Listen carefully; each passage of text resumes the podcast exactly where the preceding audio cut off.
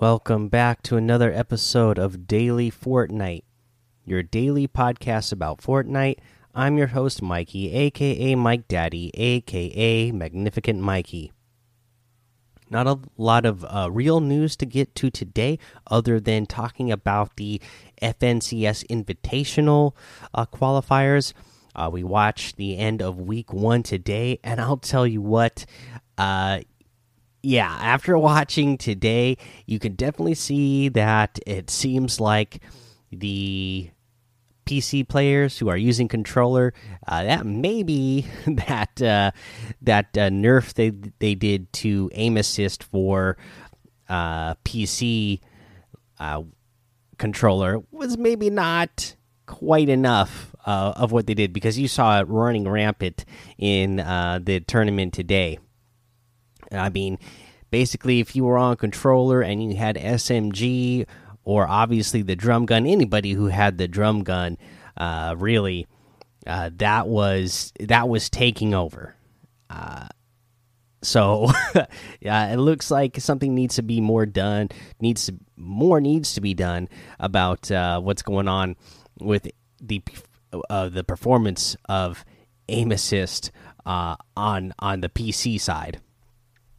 Now, uh, the the and the other thing that you know I'm you know I I'm waiting to see what they do is are are we going to keep these POIs? Are we going to keep this secret agent theme and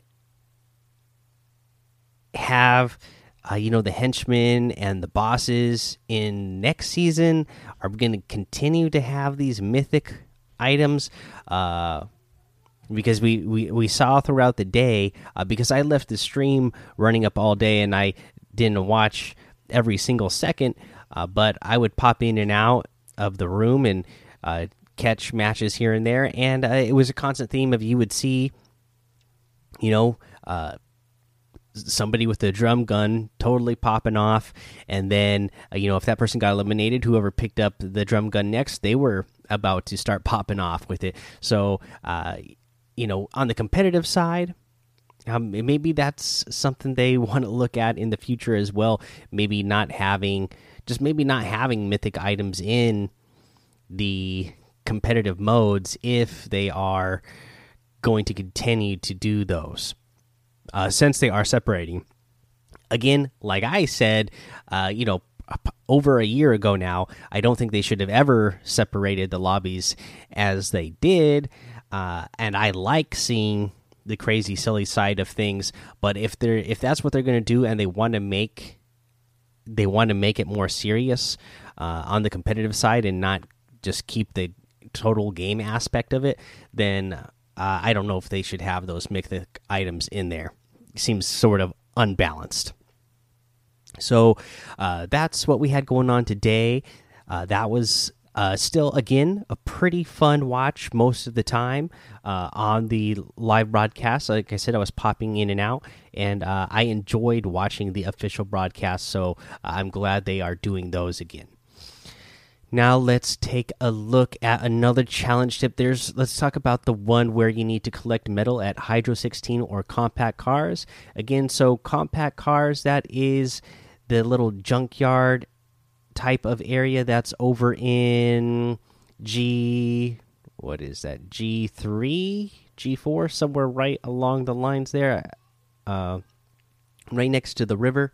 I want to say that's at the top of G4 uh, and then uh, for Hydro 16 that is in boom boom boom D7 uh, and you know that's the one the little like uh, the the building area that is down below the dam.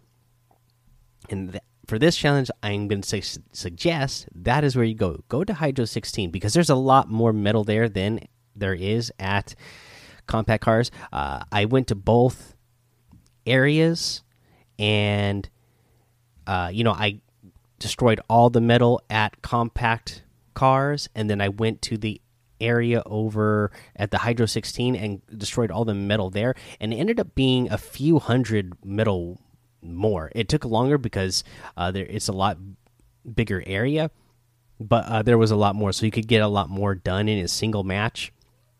Uh, you know, there's a couple of cars there as well. There's those big metal generators, both inside and outside, that are worth a lot more metal. Uh, the the if you go to compact cars, uh, there's the fences that and some cars that are you know still intact that are worth a decent amount, but only a couple of them. And the and the fence doesn't go all the way around the area. It's just part. It's just like maybe half of the area there. And then the rest of the cars that are compacted, they're not worth as much metal as the cars that are selling uh, intact, and they take a long time to break. So the amount of time that you're you're putting in for breaking and then the amount of metal you get back really not worth it. So if you're trying to get this challenge done fast go to hydro 16 all right let's go ahead uh, take a break. We'll come back. We'll go over the item shop and uh, we will uh, go over some reviews today all right so in the item shop we still have all of the star wars items that I mentioned yesterday, so I'm not going to go over them all again, but just realize that they are all still there. Tomorrow is May the 4th, uh, so I am assuming they will be here at least through then, but I'm sure they will be gone shortly after that. So if you've been really wanting to get these Star Wars items, then I would suggest you get them now. I do, I myself, I do have the Kylo Ren, the Rey, the Stormtrooper, I have Finn. I didn't see is Finn even in here this time? Uh, maybe not. Maybe he'll be back in tomorrow. You know what? I really hope. I'm really hoping that uh, we could see. Uh, you know, and again, I have no information on this, but I would love. Uh, you know, I love the outfits that we got, but I would love to see some of the old character outfits. Uh, come into Fortnite. I'd love to see like you know Luke Skywalker, Darth Vader, uh, Han Solo, Chewbacca. I'd love to see those characters in uh, Fortnite. You know, those are the characters that uh, I loved when I was a kid. So uh, that would be cool to see them. Let's see here uh, for the rest of the item shop though. So we got this really cool new version of Power Chord. So Power Chord outfit is in here that comes with the six string back bling that has a new selectable style. So the uh, rogue style. So goes from all, all pink and black to now like a neon green and black. The shirt changes uh, to a new uh, says the fanatical, cool like skeleton punk rock uh, logo on the front of the shirt. The pants are like a leopard print with you know like a blue leopard print. Pretty cool uh, new style for it. Makes it you know have worth having that much more. Uh, and I, I, love the new guitar that that uh, bright neon green that it comes in. Uh, I've always wanted this one really bad. This is making it harder to pass it up again, uh, but man, I do really love it. Uh, we have the Anarchy Axe Harvesting Tool for 800 V bucks, the Stage Dive Glider for 800, the Bunny Wolf outfit with the Heart Grid backbling for 1,500, the Lion outfit with the Diamond Grid backbling for 1,500, the Neonimal wrap for 500. This wrap's cool. Uh, the uh, Zorgoton outfit with the flying slasher, but uh, oh, wait, the, the Zorgoton outfit that comes with the flying slasher uh, harvesting tool for one thousand two hundred.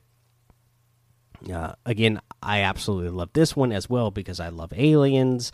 Uh, and then there's also the Team Space emote for 200. Uh, you have the Master Minotaur outfit that comes with the um, Bull Shield back bling. This is one that I recently did purchase because I love Dungeons and Dragons, and my first character was a Minotaur, and uh, so I really love this guy. You have the Wild Tangent harvesting tool for 500, the Feeling Jaunty emote for 500, the Scorecard emote for 200, the Whirlwind emote for 500, and the Rio Grande outfit that comes with the Grande Pack back bling for 1,200.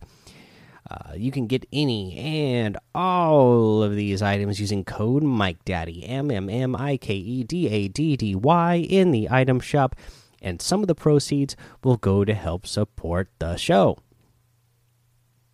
Hey, okay, so uh, again, uh, no tip of the day. Let's just get straight into these uh, reviews that people left for the show. Uh, this one was from Wasp of Fry Frying Doom. Title: It's a good podcast. Five stars, of course. Can play with me sometime? My epic is Wasp of Doom. Yes, Wasp of Doom. And like I'll say to everybody else, uh, you know, if you want to play with me, just add me. I, I, I put out my gamer tag on the podcast every day.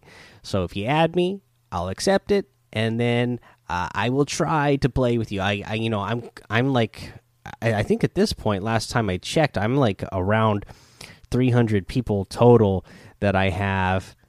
Uh, my, it might even be more now. Uh, people uh, because I've been getting a ton of requests during this whole time of social distancing.